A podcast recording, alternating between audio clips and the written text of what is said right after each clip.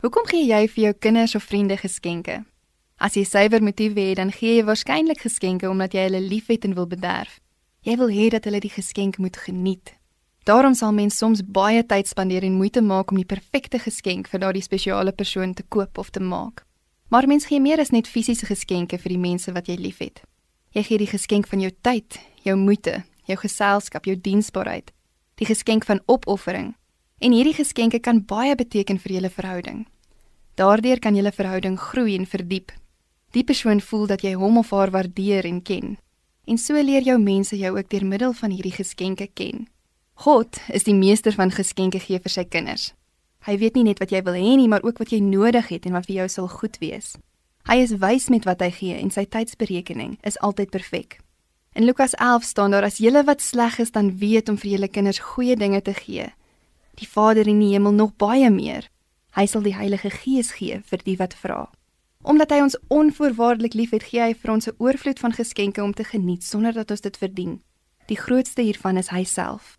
Sy tyd, sy opoffering, sy geselskap, sy raad en daar wees. Deur hierdie geskenke leer ons dat en hoe God ons liefhet.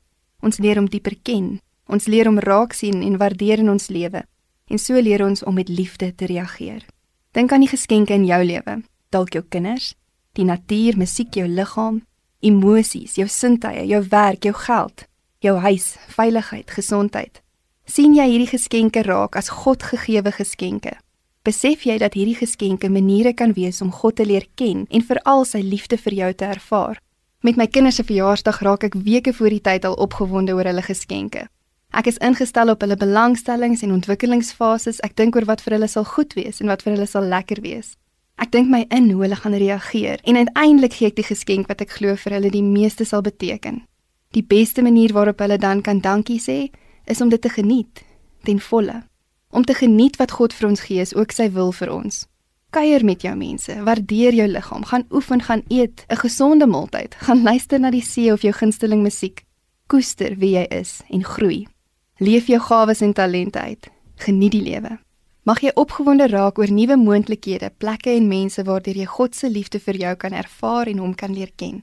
Mag jy raak sien wanneer jy daardie geskenk in iemand anders se lewe kan wees en mag ons die geskenke wat God vir ons gee inneem en geniet.